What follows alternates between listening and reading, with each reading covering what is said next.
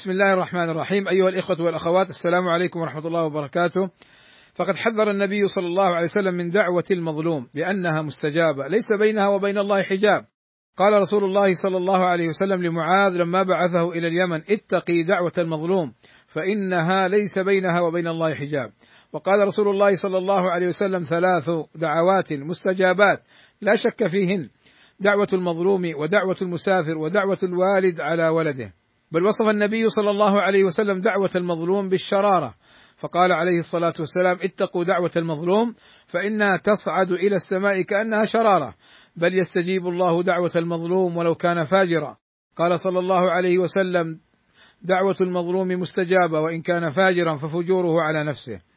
بل يستجيب الله دعوة المظلوم ولو كان كافرا. قال صلى الله عليه وسلم اتقوا دعوة المظلوم وإن كان كافرا فإنه ليس دونها حجاب.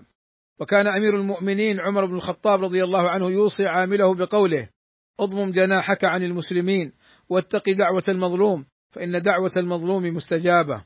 وكان النبي صلى الله عليه وسلم يدعو يقول رب أعني ولا تعن علي وانصرني ولا تنصر علي وامكر لي ولا تمكر علي واهدني ويسر ويسر الهدى لي وانصرني على من بغى علي أي ظلمني.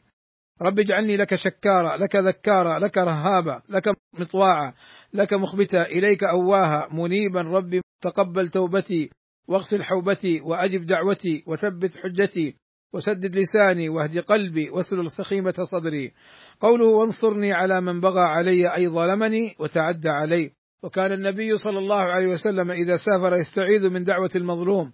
فعن عبد الله بن سرجس رضي الله عنه قال كان رسول الله صلى الله عليه وسلم إذا سافر يتعوذ من وعثاء السفر وكآبة المنقلب والحول بعد الكور ودعوة المظلوم وسوء المنظر في الأهل والمال. قال الإمام الشافعي رحمه الله تعالى وقد أحسن فيما قال أتهزأ بالدعاء وتزدريه وما تدري بما صنع الدعاء. سهام الليل لا تخطي ولكن لها أمد وللأمد انقضاء. والسلام عليكم ورحمة الله وبركاته.